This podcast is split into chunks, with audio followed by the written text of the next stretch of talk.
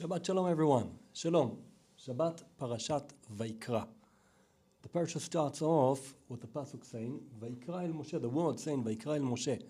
This is a very uh, kind of strange opening because there's no introduction. What's happening? Where are we? What's the story? Where Where's God calling from?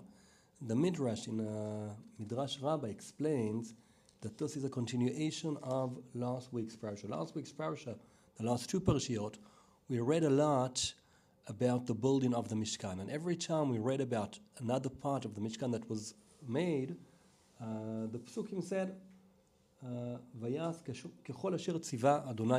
Everything's done the way God commanded Moshe. So the Midrash says this is like uh, a king who asks one of his servants to build him a palace. And this servant, when he builds the palace for the king, every single detail in the palace that he builds, he writes the king's name on it. So it goes in every every table and every corner and every wall and anything in the palace, everything has the king's name on it. When the king finally comes in and walks into the palace and sees this, he sees his name all over everything. He sees his name all over everything. He says, like, wow, I mean, the servant who built this palace for me, he likes me so much. He's done so much for me. He wrote my name on me. He cared about me so much.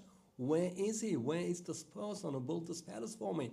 He can't see the person. So fast he goes and he calls him in. Okay, hey, come in, come be inside here with me. In the same way, God, after we built the Mishkan and everything, every detail that was done when we made the Mishkan, everything was the way God commanded, and God sees that was all out of appreciation for him. So he calls Moshe in and says, Here, Moshe, also come in here. You did all of this for me, for my honor. Please come in, be here with me.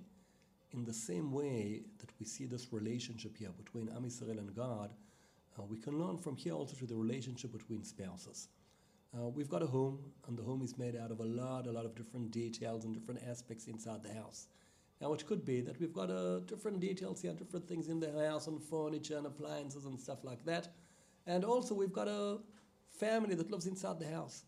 But if we understand that all of these surroundings, the house, the furniture, the the walls, the appliances, everything, that's all so that we can create our home. The actual home is the relationship between the spouses, the connection between us. If every time we think about another detail inside the house, we, we think about it of how is this going to help our relationship? What is what does my spouse want in it? How will I be able to, if I do this detail properly, how will that provide and support the actual relationship inside you, which is the main thing. That's what we're doing everything for. If that's the approach one spouse has towards everything he does inside the house, inevitably what's going to happen is that the other spouse will feel that. And then we'll be able to create this proper connection with the inside here, that the house turns into a warm home, a connection, a special connection of this very special family, the special home that's being built inside here. Be'ezrat Hashem, Shabbat Shalom, everyone.